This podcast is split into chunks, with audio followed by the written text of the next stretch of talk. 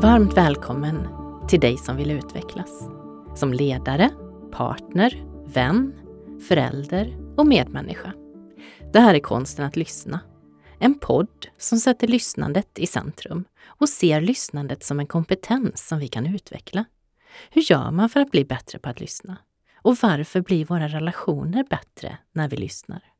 Jag heter Annika Tilléus och tillsammans med spännande människor som verkligen kan konsten att lyssna utforskar jag lyssnandets olika delar. I detta avsnitt handlar det om att använda lyssnandet som ett verktyg för att bli bättre på inkludering. Jag har bjudit in Anna Bergholtz som är journalist och entreprenör. 2021 fick Anna Magdalena Ribbings stipendium för sitt arbete mot diskriminering och för att människor med funktionsnedsättningar ska inkluderas i arbetslivet. Vi pratar om vad som händer när min norm inte längre är normen. Om att välkomna olikheter och hur man gör för att få någon att känna sig inkluderad. Vi reder ut om det är nedsättande att prata om funktionsnedsättningar. Vilken var min första fråga till Anna när vi träffades? Och varför var det så viktigt att jag ställde den? Det här är konsten att lyssna.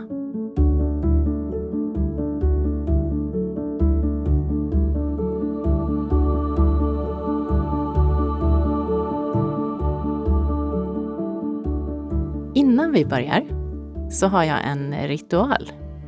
Jag har en poddbön och den går så här. Jag bjuder in den klokaste delen av mig till detta samtal. Låt mig vara öppen, äkta och närvarande. Låt samtalet vara varmt, utforskande och fullt av tillit. Låt oss ta fram det bästa hos varandra och välkomna det som sker. Låt detta samtal bli ett fint minne som vi skapar tillsammans, här och nu. Vad fint! Tack! Det där skulle man ju alltid köra när man möts. Visst skulle man? Ja. Tänk om man ramade in sitt möte? Ja. Mm, mycket bra. Tack! Tack. Mm. Varmt välkommen Anna Bergholtz. Tack Annika. Du kan konsten att använda lyssnandet som ett verktyg för att inkludera människor. Ja. det lät så stort och så, ja, jag kan men ja, jag tror och hoppas det. Mm. Ja. Mm. Och sen har jag ju också eh, fått använda mitt lyssnande på ett annat sätt eftersom jag har förlorat ett sinne. Så har ju också eh, min hörsel och lyssnandet där blivit eh, ja, någon slags ersättning för det som man kanske får in med ögonen. Ja. Mm. För du blev blind som vuxen. Ja, jag var 24 eh, när jag förlorade synen.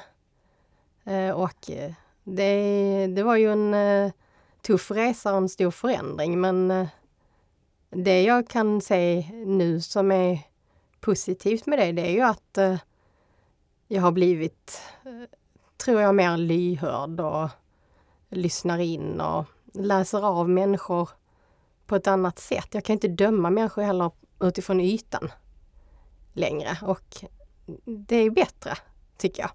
Faktiskt. ja, det är en sån här positiv sak med att inte se längre. Ja, nu blir jag själv så här ställd. Hur mycket plockar jag upp om en människa utifrån mitt, mina synintryck? Det är ju väldigt stor del av det första intrycket. Mm. Ja, men det är, jag tänker eftersom jag har varit med om skillnaden eh, så eh, även om man inte vill att det ska vara så så är det ju tyvärr, tror jag, ofta så att vi tar det ytliga, att man bedömer utifrån det. Sen ska man ju inte säga att, att man inte bedömer utifrån det som hörs och hur människan uttrycker sig så.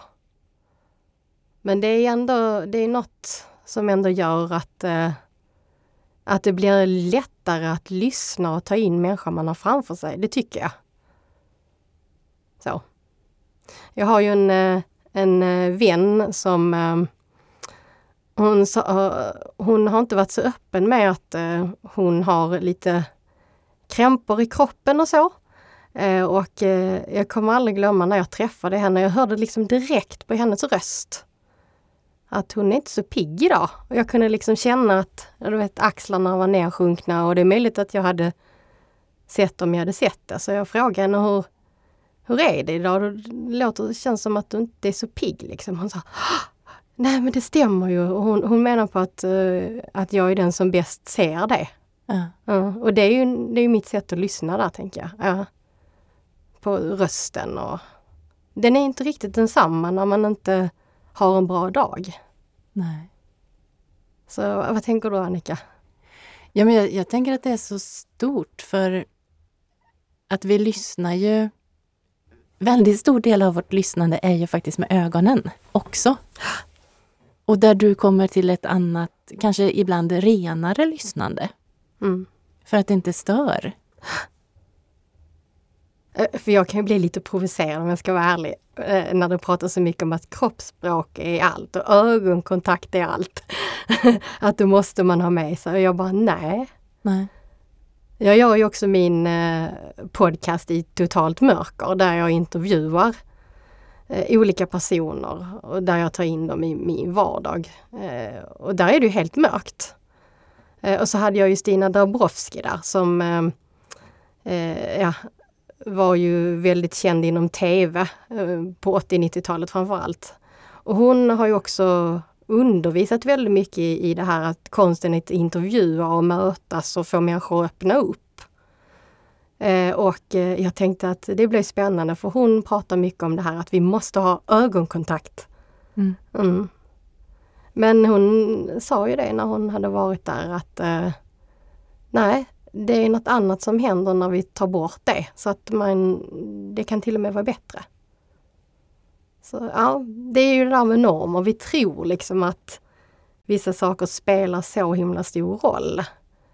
Men det kanske det inte gör. Det är bara det att man får göra det på ett annat sätt. Ja, det är jättespännande. Jag har ju min, min syster och jag bor långt ifrån varandra och har gjort eh, ja, i princip sedan vi blev vuxna. Mm. Och vi har väldigt tät kontakt på telefon när vi är ute och går. Och så pratar vi med, med lurar och ja. med varann. Och vi är ju otroligt nära men det är ju så vår kontakt mest är och då är det ju rösten. Ja. Precis. Och hör du på henne då? Kan du höra äh, lite hennes, alltså hur hon mår vilket humör hon är på och så, tycker du? Absolut. Mm. Mm. Ja, nej, nej, men det är spännande. Vi, nu är, lever vi i en så otroligt visuell värld och vi ska sitta i digitala möten och då ska man ju se varandra. Och det, det är ju klart det är viktigt också för det är en tillgänglighetsfråga att om man hör dåligt så vill man ju kunna läsa av kroppsspråk och läppar och så. Men det är ju ändå det där att eh, det är något spännande när man tar bort eh, det i sinnet. Mm. Jag kan tycka att det är rätt skönt att ta ett telefonsamtal istället för ett webbmöte ibland om man bara är två personer. Ja, skönt att du säger det. ja. Nej, men det, men det så, nu tror jag att det är så många som är så bara inkörda på att man ska skicka en länk och så ska man ses på Teams eller Zoom. Liksom. Ja. Men eh, jag har hört många nu som jag, jag har sagt, alltså för min del går det ju lika bra i telefon för jag ser ju inte dig ändå. Det är om du vill se mig har jag sagt då. Ja. De bara, nej, nej, nej. Och sen har de själv sagt, precis som du då, att ja, men det var ju jätteskönt att ta det i telefon. Ja. Så, och då kan man ju också ja, men, kanske ta en promenad samtidigt. Och, ja. Det är lite... Nej men det, jag vet inte, alltså det är... Nej, det är... Jag gillar ju det. Mm. Mm. Apropå det här med teknik. Mm tänker på smartphone och sånt. Hur har det påverkat ditt liv? Utifrån att det är en form av hjälpmedel som alla har i sin ficka som mm. också, antar jag, underlättar ditt liv? Ja, alltså ehm, det har ju blivit en stor skillnad sen eh, de här smartphones kom då. Som, det är ju hjälpmedel som finns i produkten från början. Eh, så att jag kan ju då sätta igång det. det. det. har ju du i din telefon också men du använder ju inte det för du inte behöver det såklart. så, men det finns i, i de flesta smartphones idag och det är en sån här talsyntes. Eh, och eh, nej men det är ju otrolig skillnad på tekniken och sådär hur eh, det är att eh, läsa information, eh, bara ringa ett samtal, skicka ett sms. Det var ju så när jag blev blind. Jag hade mobiltelefon eh, men eh, när jag förlorade synen då fanns inte den typen av hjälpmedel. Eh, de kom efter ett tag så att jag fick ju så prata in telefonnummer och så på ett fickminne. Eh, och sen fick jag ju så här, ah, eh, ska jag ringa till Annika, ska jag leta upp det här? Var är Annikas telefonnummer? Och knappa in det då, för jag kunde ju känna på knappsatsen då. Eh, för var siffrorna var och så. Men sen kom ju det här med att man stoppar in hjälpmedel då. Och det var ju så här att det var ett särskilt hjälpmedel som stoppades in i telefonen och till skillnad från idag då det, det finns i alla telefoner, då var det ju jättejobbigt om den telefonen eller hjälpmedlet strulade för då stod jag ju utan telefon. Mm. Så att eh, Nej, det är fantastiskt. Verkligen. Ja, mm. vad skönt. Ja. Du jobbar ju som eh, både journalist och entreprenör mm. och har ett företag som heter Unique Power. Mm. Kan inte du berätta lite grann om syftet med det och ja, vad ni gör? Ja, um, alltså det är ju en plattform kan man väl säga, lite kort beskrivet, som är under uppbyggnad. Och uh, vi startade den för att uh, vi kände att vi ville göra något i större skala uh, när det gäller då inkluderingsfrågor och just då Eh, Eh, för att personer med funktionsnedsättning ska inkluderas mer. Så vi hjälper ju företag och organisationer, alltså hur de ska göra. Eh, och eh, vi som ligger bakom det här, det är också viktigt tycker vi, det är vi själva som har egen erfarenhet av eh, funktionsnedsättning eh, och som också till stor del har jobbat med inkluderingsfrågor. Så, så det är en plattform och sen eh, en, del, en viktig del i den här plattformen också det är ju att eh, vi jobbar mycket med sociala medier och så och att visa då på att eh, personer med funktionsnedsättning är som vem som helst. Jag tror att eh, många har fått en bild från media att eh, det är mycket det här offer och hjälteperspektivet. Att antingen så är det synd om Anna som inte fick färdtjänst eller så är man så här fantastiska Aron Andersson som klättrar i berg fast han sitter i rullstol till mm. exempel.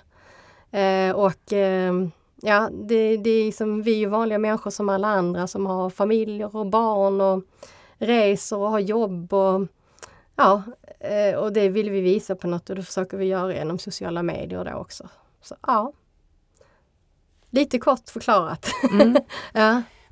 Vad är vad är företags största utmaning med att inkludera folk med funktionsnedsättningar?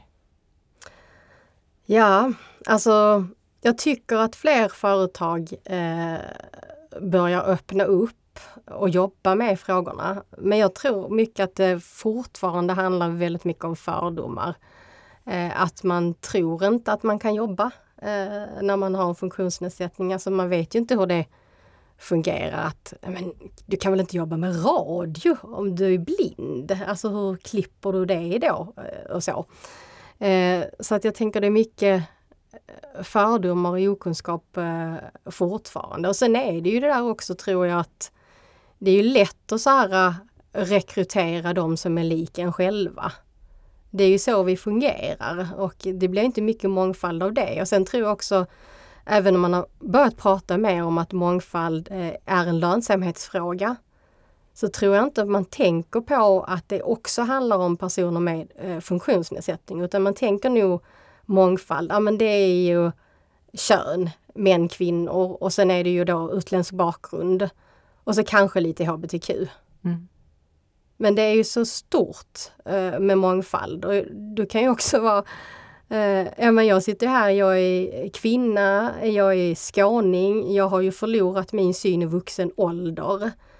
Eh, så alla de normerna samverkar ju. Mm. Det finns ju fördomar om skåningar också.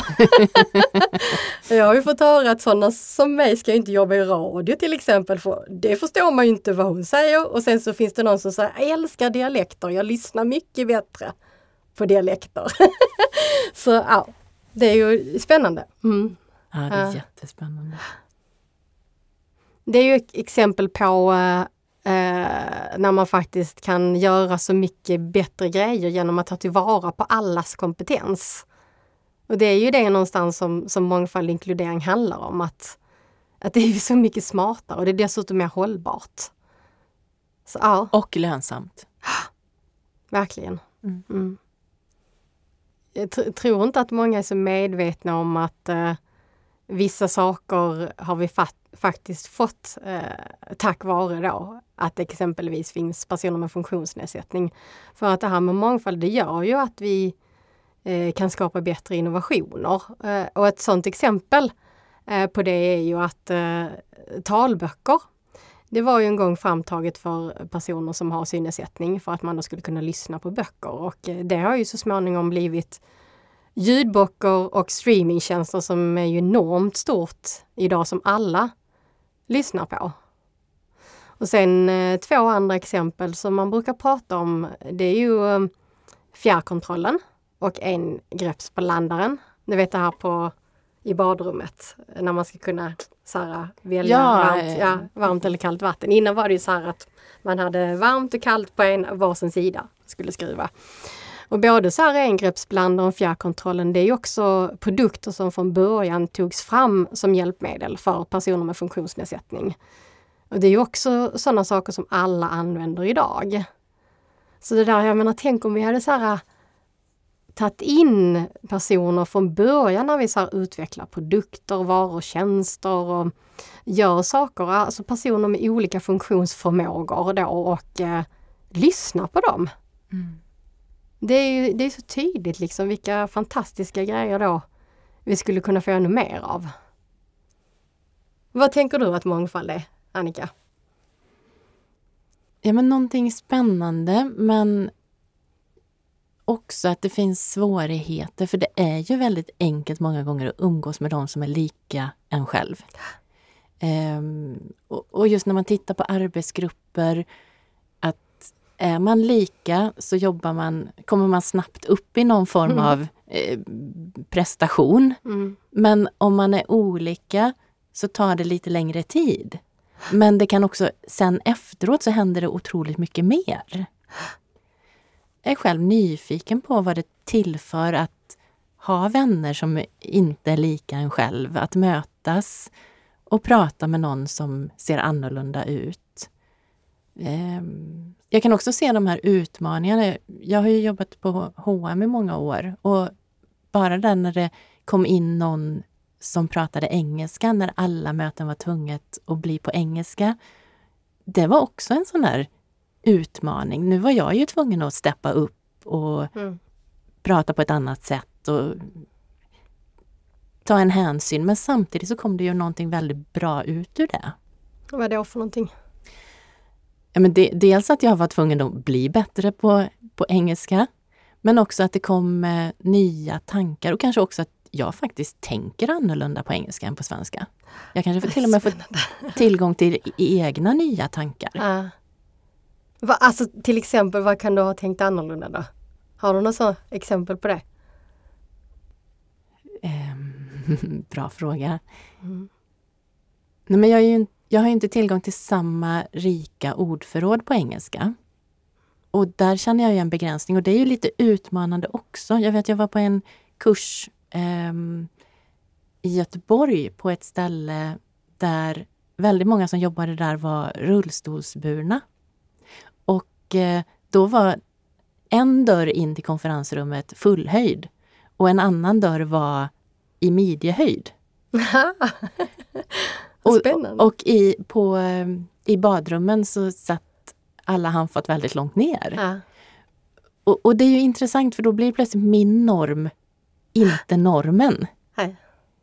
Och hur ställd jag blir i det läget. Mm. Och det är kanske lite grann med språket också, att plötsligt så Mm. är jag inte lika bekväm. Mm. Så har jag en, ett lite större motstånd än eh, står i en annan situation. Ja, och det kan ju skapa förståelse för hur det kan vara om man till exempel är ny på svenska språket. Absolut. Så det, ja, det var ett av de mest lärorika sakerna när jag eh, pluggade på högskolan till socialpedagog då, som jag är utbildad till. Och så gjorde jag praktik i Barcelona. och eh, i Barcelona så är det ju eh, eh, katalanska som pratas och vi har ju lärt oss kastilianska i skolan. Men man kan ju ändå förstå det hyfsat. Eh, så jag gjorde praktik där då och eh, när vi eh, eh hade lite här fikapauser då pratade ju alla mina kollegor, de pratade katalanska och jag, häng, jag hängde liksom inte med. Även om de pratade kastilianska med barnen då, för vi jobbade med romska barn så att det var liksom kastilianska som gällde eh, då. Men där i fikarummet, det var så här, ah, ja. Nu förstår jag liksom på ett annat sätt hur tufft det kan vara. Mm. Och, och det där också att man kanske förstår vad som sägs men jag kan inte uttrycka vad jag vill uttrycka. Ja. Och hur uppfattas jag då? Ja men förmodligen som att jag inte är så smart som jag vill framställa mig och vara. Nej men alltså lite så här, det är, ja, det är en frustration. Ja. Ja. Det här med att säga, du, du använder begreppet funktionsnedsättning. Mm. Hur, hur har du valt det begreppet? Ja, ehm, det är ju mycket för att eh, jag tycker att eh, funktionsnedsättning är, är viktigt att använda. Och det är framförallt också i den rollen som jag har i min yrkesroll som journalist. Och, eh, ja, men jag har ju ändå någon slags röst som folk kanske lyssnar på. Eh, nu är det ju många som använder ordet funktionsvariation som synonymt med funktionsnedsättning. Eh, och eh, det blir lite tokigt för att funktionsvariationer har ju alla människor. Vi varierar funktion allihopa. Eh, och att jag använder funktionsnedsättning det handlar ju också väldigt mycket om att vi har en diskrimineringsgrund i Sverige. Eh, där, som är funktionsnedsättning. Så att det är också viktigt på någonstans att särskilja eh, det för att annars blir det lite svårt att ja, kanske få de stödinsatser man behöver eh, och prata om rättigheter och så som faktiskt ser olika ut beroende på om man har en funktionsnedsättning eller inte. Så, så att, men jag vet att det där kan ju vara laddat och man har ju rätt att själv definiera sig själv. Jag vet eh, fortfarande många och kanske den äldre generationen framförallt som säger ja men jag är handikappad eller mitt handikapp och jag får, oh, det kliar hela kroppen på mig. för att för mig är det eh, det känns inget bra om någon skulle säga att jag är handikappad, för det, ligger, det är så laddat för mig. Eh, och, men det är ju den personen, ja, har ju rätt att säga det om sig själv. Men jag tycker att det är viktigt att är man i en maktposition, man är politiker eller eh, jobbar inom kultur och ja, journalist och så, då bör man ju veta ändå vilka ord som, vad de betyder, vad de innebär. Så tänker jag. Vad tänker du Annika? Ja men absolut. Jag, det som poppar upp i mitt huvud också, det är den här rädslan för att göra fel. Ja. Och som jag kan säga till dig att Ja. ja, men vi ses imorgon. det säger jag också. Ja, och, och ja. i, i, jag känner mig trygg för att jag kan säga det till dig. Ja. Men jag kanske inte kan säga det till... Bara Nej. för att jag känner dig och har Ja. den sättet så är inte det per automatik så jag kan tilltala alla blinda. Jo, alla blinda är likadana. Ja, bra. Nej, men det är ju verkligen, så är det ju. Så det vet man ju inte. Nej, Så, men jag, jag skulle väl säga generellt att det är nog ganska lugnt med det. Men jag förstår vad du menar. Jag är ju själv rädd för att säga fel i situationer som jag inte känner mig hemma i.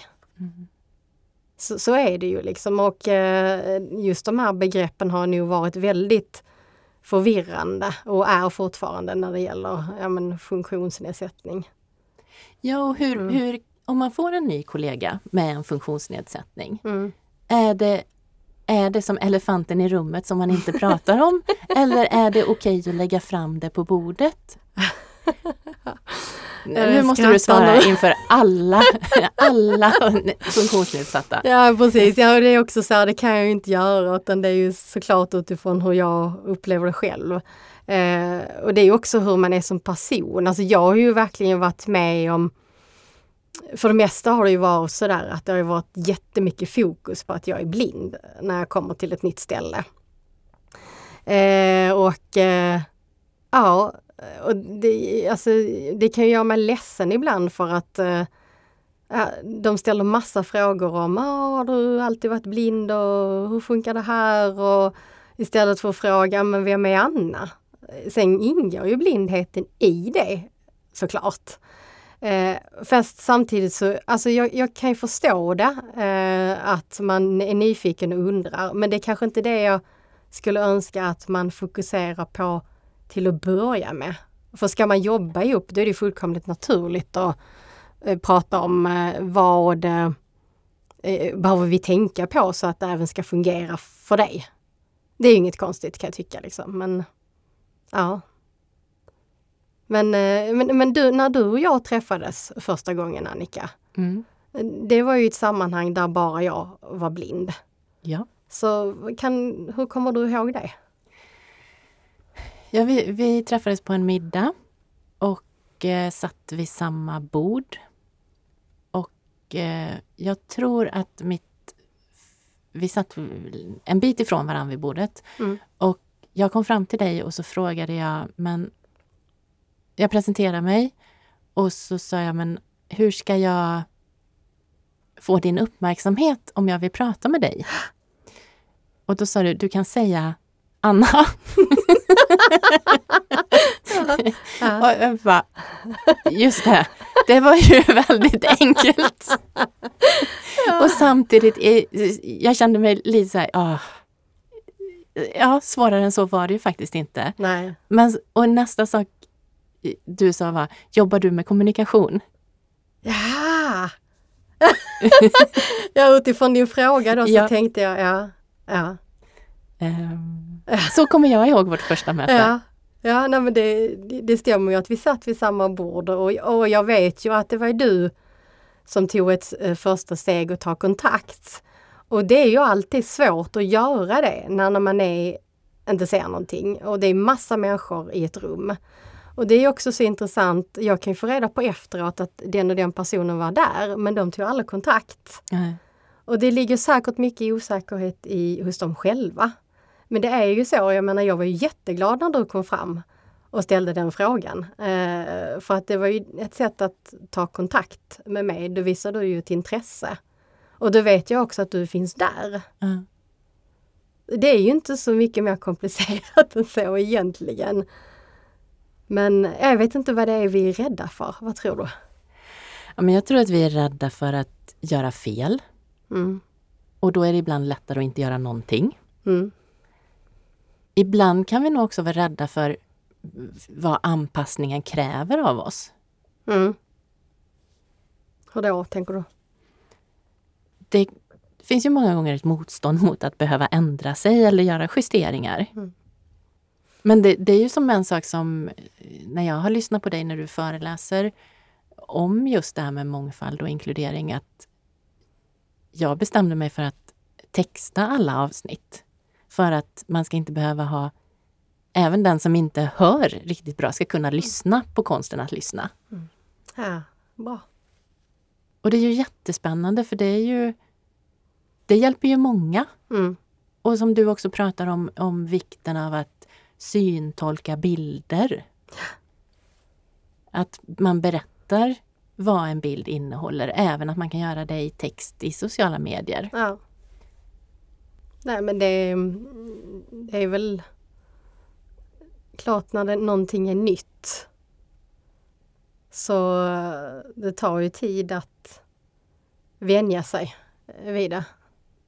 Ja, och att Mm. vara lite snäll mot sig själv på vägen för Mm. man glömmer ju av hela tiden och att, att ehm, inte behöva vara rädd åt något håll för att påminna varann. Mm. Ja men så är det ju. Det har, det, det har jag känt många gånger också.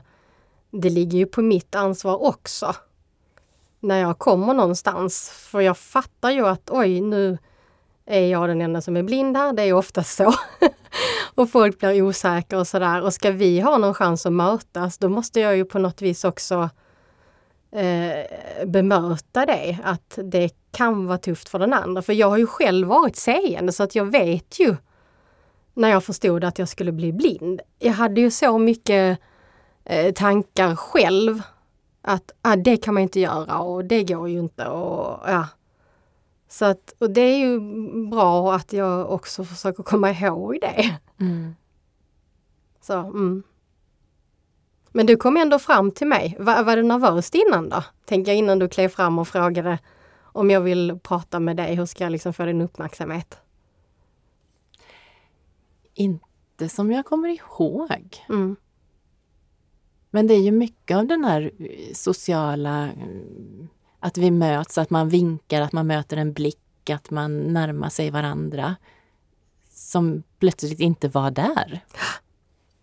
Och att, jo men visst, visst hade jag en osäkerhet på, Mm. men hur gör jag nu? Mm. Och var det den bästa frågan att ställa?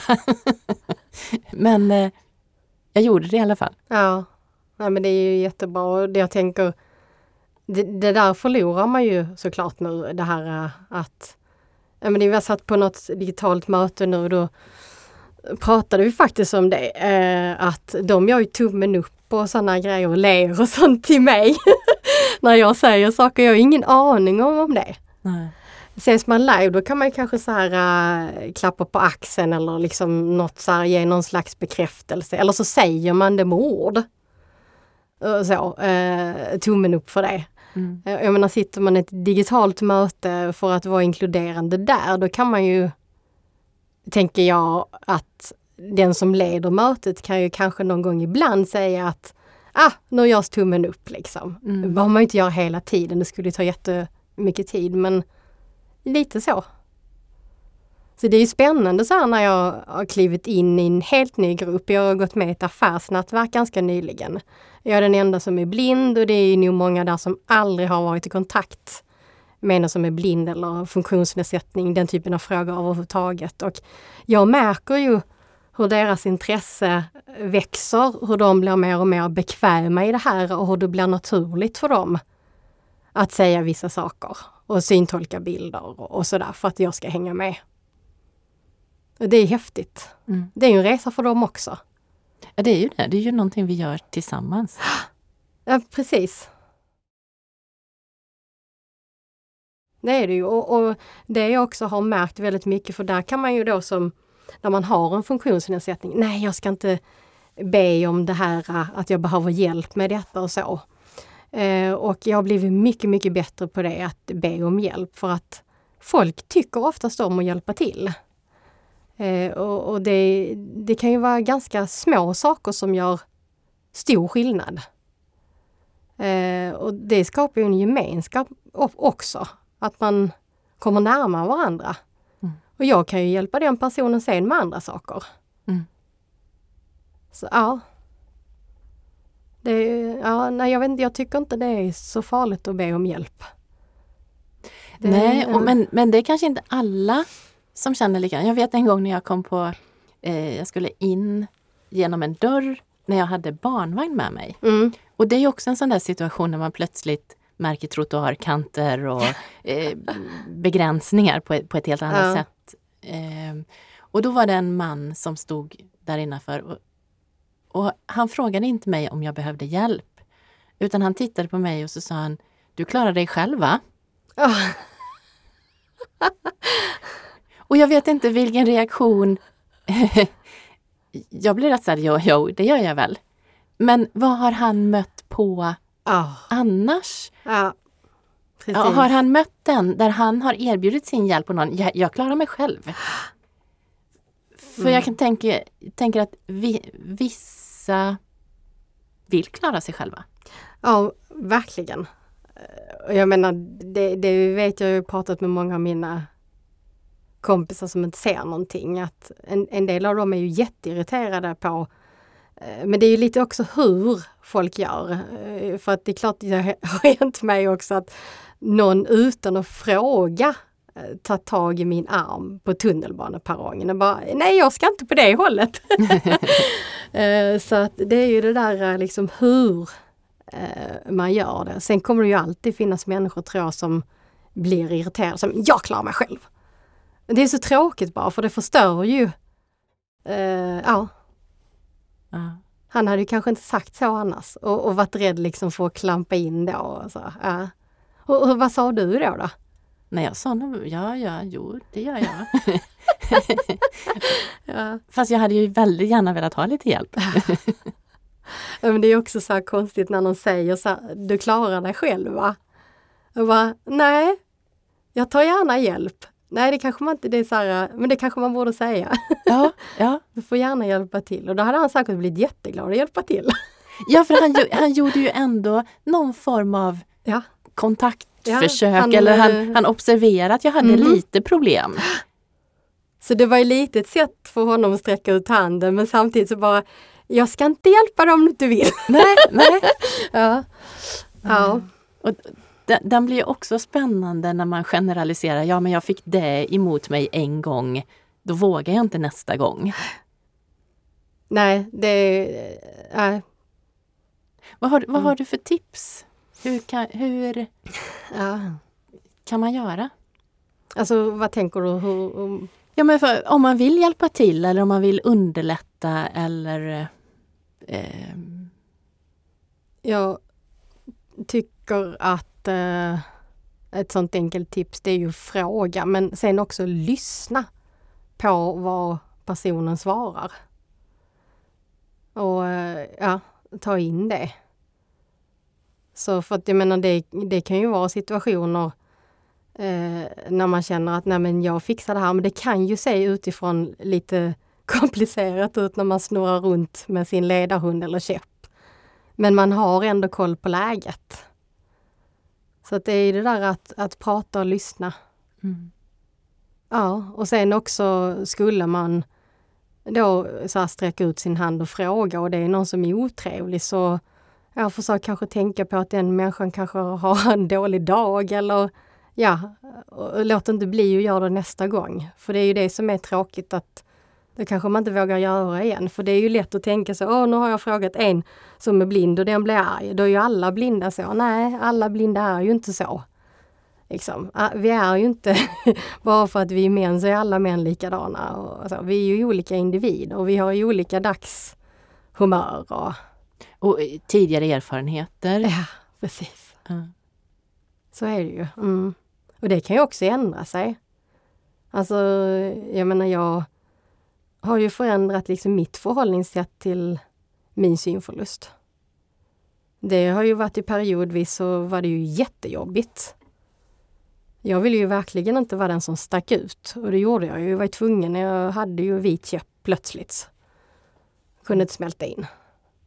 Men idag känner jag, jag känner inte alls så idag. Jag känner mig mer stolt idag. Liksom att här går jag runt på stan och jag ser ingenting och jag har min världens finaste hund. Och det är ganska häftigt ändå att man faktiskt kan ta sig runt och leva på ändå. Mm. Men det är en process. Ja. Så jag kanske inte hade varit lika trevlig eh, då om någon hade frågat mig som nu. Nej men det måste ju också påverka hur, var din acceptans av funktionsnedsättningen är. Mm. Nej, jag, jag, jag såg det var en, eh, en vän till mig som hade skrivit och det är ju så mycket igenkänning på det. Hon hade varit hos läkaren och det hade varit massa fokus på att hon är blind och hon var inte där för att hon är blind. och det där det blir så komiskt på något vis och att det där händer om och om och om igen. Men det är ju också så mycket kopplat till, jag menar normerna. Hade vi sett, och där kommer vi in på det som jag brinner mycket för, det här med mångfald och inkludering. Alltså hade vi sett en mer mångfald i tv och reklam. Och, jag menar om jag hade suttit i tv och, och programlett Nyhetsmorgon till exempel. Då hade ju inte folk eh, tyckt kanske att det var eh, lika konstigt och det hade varit så mycket fokus på min blindhet när jag hade kommit till läkaren nästa gång. Alltså det är ju lite så. Tror jag i alla fall. Ja, och, och då antar jag att det inte ska lyftas fram som den blinda programledaren i tv. Nej, alltså det, det, kan jag ju tänka mig att eh, är man den första som blir det, för jag var ju den första blinda filmrecensenten. så det är klart att det blir ju fokus på det. Eh, men eh, det, det, det är det ju säkert i en övergångsperiod. Jag menar tittar man eh, på tv så man var inte välkommen där eh, långt tillbaks i tiden om man var kvinna. Nej. Och sen var det ju det här med dialekter och eh, brytningar och så och det har ju blivit mycket, mycket bättre mm.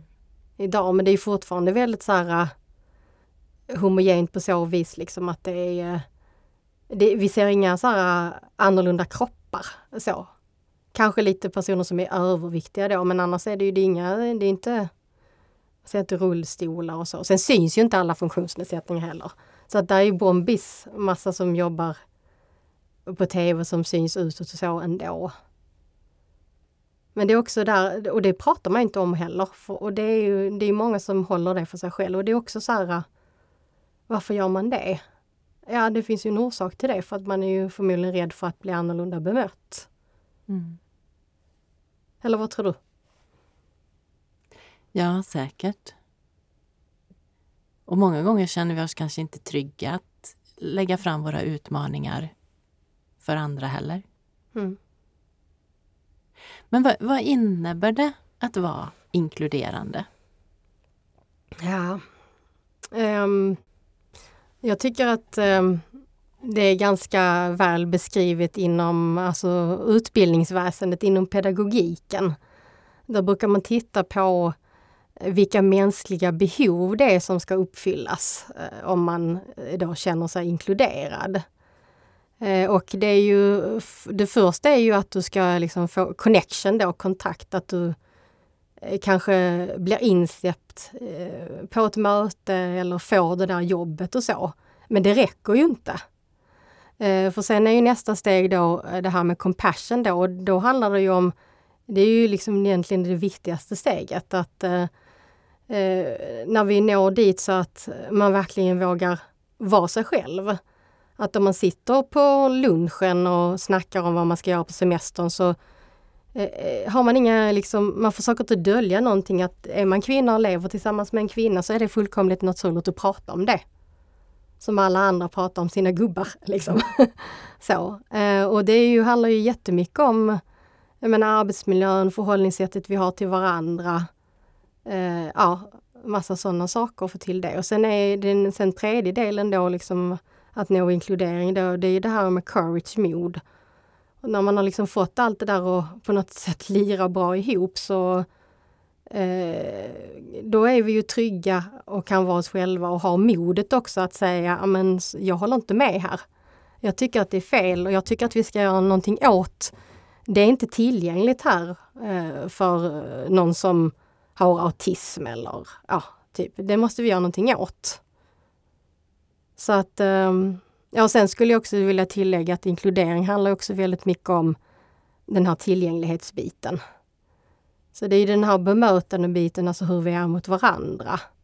Men sen är det ju också det här med tillgänglighet och det kan ju vara en sån sak som att jag kan inte använda vissa appar och hemsidor och kanske inte kan handla mat på nätet idag.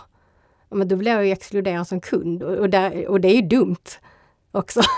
För då kommer man ju in på inte bara den där känslan kring inkludering, eh, att man är utestängd, utan där förlorar ju företag också kunder, konsumenter. Så. Mm. Mm. Men det är, ja, det är ju det är mycket normer som man behöver jobba med. Tänker jag. Ja, och att bli medveten om mm. sina egna. Jag tycker det var ett in, om, om man säger som du började med att prata om, om det här med att blunda och inte se en människa. Att få alla de första intrycken och fördomarna som det också blir. Mm. Att det, det känns nästan som ett spännande experiment om jag skulle närma mig en människa så. Vad skulle hända då? Ja. Ja, vad tror du? Ja, men jag kanske skulle ställa fler frågor. Mm. Jag kanske skulle vara nyfiknare Mm. och jag skulle behöva lyssna mer. Och mycket av det som du närme, nämner i, i grunden för att inkludera, jag tror inte att alla känner så på sina arbetsplatser oavsett vad man har för förutsättningar. Nej, men, Inte ens i en grupp nej. som är likadan. Nej, det tror jag inte heller. Och det kan vara en sån enkel sak som jag brukar prata om när jag är ute och, och föreläser, det här med kaffenormen, att man utgår från att alla dricker kaffe. Ja. Och det har jag ju tänkt på, när började jag dricka kaffe? Jo, men när jag fick mitt första jobb på Utbildningsradion. Jag har inte börjat. Nej. och hur känns det då? Alltså, upplever du att det är... Alltså har du, har du tänkt på det någon gång? Att, Ja, jag var... Eh, när jag hade slutat på eh, högskolan, var på en av mina första intervjuer, så eh, hade den här kvinnan, det var ett rätt stort företag, men eh, både hon och jag bodde i en annan stad än där företaget hade sitt huvudkontor. Mm. Så hon föreslog att jag skulle komma hem till henne på en intervju. Mm. Och jag hade då köpt någon kostym som jag kände mig rätt obekväm i. Eh, gick hem till henne. Och det var en jättekonstig situation att vara hemma hos någon på en intervju. Det också. Ja, och så skulle jag sätta mig i hennes soffa som var väldigt låg. Och jag satt där obekväm i min kostym. Eh, och så säger hon, vill, vill du ha en kopp kaffe? Nej tack, jag dricker inte kaffe. Nej, då kan du få ett glas saft. Och sen kom hon med en sejdel med saft. Så jag satt där i soffan, hopkrupen i min kostym med en sejdel med saft. Vad är en sejdel? Nej men en sån här eh, ölglas nästan med öra på. Och eh, det kändes jättekonstigt. Så Ja. efter det så säger jag antingen Nej, jag dricker inte kaffe. Eller om någon säger Vill du ha en kopp kaffe? Så brukar jag säga Nej men jag tar gärna en kopp te. Ja, Eller jag tar gärna ett glas vatten. Ja, Eller nej tack, det är bra. ja, Så att jag öppnar inte för fler saftglas. nej. Nej men det Nej men jag tror att många börjar dricka kaffe för att man på något vis sitter där och det känns konstigt när man har morgonmötet och så. Men eh, ja, Nej, det, det, det är ju många sådana situationer eh, där vi har eh, normer hela tiden som, och det är ju också när jag har jobbat på Synskadades riksförbund som är organisationen för personer med synnedsättning. Där är ju normen att man ska ha en synnedsättning och jag börjar jobba lite med dem nu igen och det är så konstigt när man kliver in där så här, Folk är så vana vid att, ah, ska du ha hugga tag i armen här och, och bli ledsagad då? Bara, Oj, ja, gud vad skönt. det händer ju inte när jag liksom har varit inne och jobbat så här på Sveriges Radio och sådär. Förrän de har börjat lära känna mig och vet att det är rätt skönt och underlättar om jag kan hugga tag i en arm till exempel. Ja. Så att, och, och jag menar så är det ju för alla. Så det, jag tänker att men det kan man ju så skicka med som ett tips. Men tänk själv liksom i vilka situationer du har känt dig inkluderad, bekväm. När har du vågat vara dig själv fullt ut? Och vad är det då som gör att det har blivit så? Och vad kan du då göra eh, för att andra ska känna så? Mm. Det är mycket att reflektera kring det. Ja, att bjuda till från båda håll och att också tillåta att göra fel. Mm. Att finns välviljan så, så ja, vi går fel ibland. Ja. Och det är okej, det är ofta inte mm, meningen. Nej, precis. Ja. Jag skulle vilja skicka med en uppmaning till alla som lyssnar. Att verkligen se människan framför dig. Och kanske genom att blunda. Att inte låta en ålder eller ett ursprung eller en funktionsnedsättning stå i vägen. Utan att vara nyfiken på dels de egna fördomarna, vad är det som står i vägen? Har du satt en etikett på en person och så ser du mest etiketten och inte personen. Mm. Så att verkligen se människan som är framför en. Nej, men det är jättebra. Verkligen. Mm. Och, och sen en sak som jag också tycker är spännande, jag tror vi pratade om det förut, det här att det är så lätt att man umgås och söker sig till de människorna som är lika en själv. Eh, och där har jag verkligen på senare år och försökt att hitta liksom, nya människor som inte är som jag. Mm. Eh, och det är så himla roligt. Alltså det ger ju så mycket nya perspektiv. Nu är jag så att jag älskar ju det. Jag tycker att det är kul att lära mig nya saker och nya kulturer och, och så. Uh, men det är ju också klart det är så här, ja men var ska jag börja någonstans? ja, så, och det var faktiskt min mamma som eh, när hon blev pensionär så kände att jag vill ju göra någonting, vad kan jag göra? Då tipsade jag henne om, men du kanske skulle kunna eh, hjälpa till med så här när nya personer kommer till Sverige. De behöver hjälp med svenska språket och träna det. Så hon, hon gick då till något projekt på kommunen då och eh, har då haft ett par personer då som har varit nya i Sverige. Eh, och, och, då har vi ju blivit vänner med dem. Mm. för ja, ett par av dem har flyttat till Stockholm sen då också. Min mamma bor i Skåne då.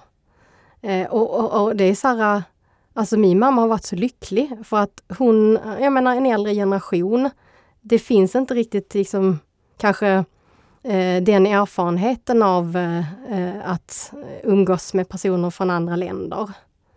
Eh, och, eh, och, och det är så mycket nytt i det där och hon har känt att hon har kunnat hjälpa till med det hon kan. Hon kan det svenska systemet. Mm. Eh, och de här personerna då som hon har hjälpt, de, ja, det, är ju jättetacksamma och ja, men de har lärt sig varandra, varandra mycket. Så, det är jättehäftigt. Mm. Ja, det är ju det. Vi behöver varandra och vi behöver olikheter och mångfald. Stort tack för att du kom hit. Tack Annika. Jättekul att ha dig här. Ja, tack så jättemycket.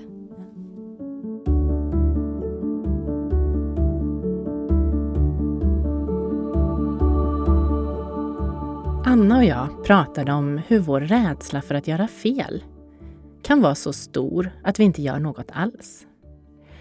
När vi får en kollega med en funktionsnedsättning så är det viktigt att vi blir nyfikna på den personen bakom funktionsnedsättningen. Samtidigt behöver vi skapa rätt förutsättningar i vår omgivning för att vi ska arbeta tillsammans på ett smidigt sätt. Men det gäller nog alla nya kollegor. Vi är ju olika till funktion allihop. Under vårt samtal börjar jag fundera på om mitt seende ibland ställer till det för mig när jag lyssnar. Hur mycket påverkar en människas förpackning hur jag lyssnar? Jag är så glad att jag gick fram till Anna på den där middagen och frågade henne hur jag skulle påkalla hennes uppmärksamhet. Vad jag frågade var mindre viktigt än att jag frågade. Tack Anna för ett varmt och utforskande samtal som gav mig nya tankar och insikter. Konsten att lyssna finns både som bok och podd och görs tillsammans med Bazar förlag. Alla avsnitt i säsong 1 finns i Podplay-appen och på podplay.se. Självklart helt gratis.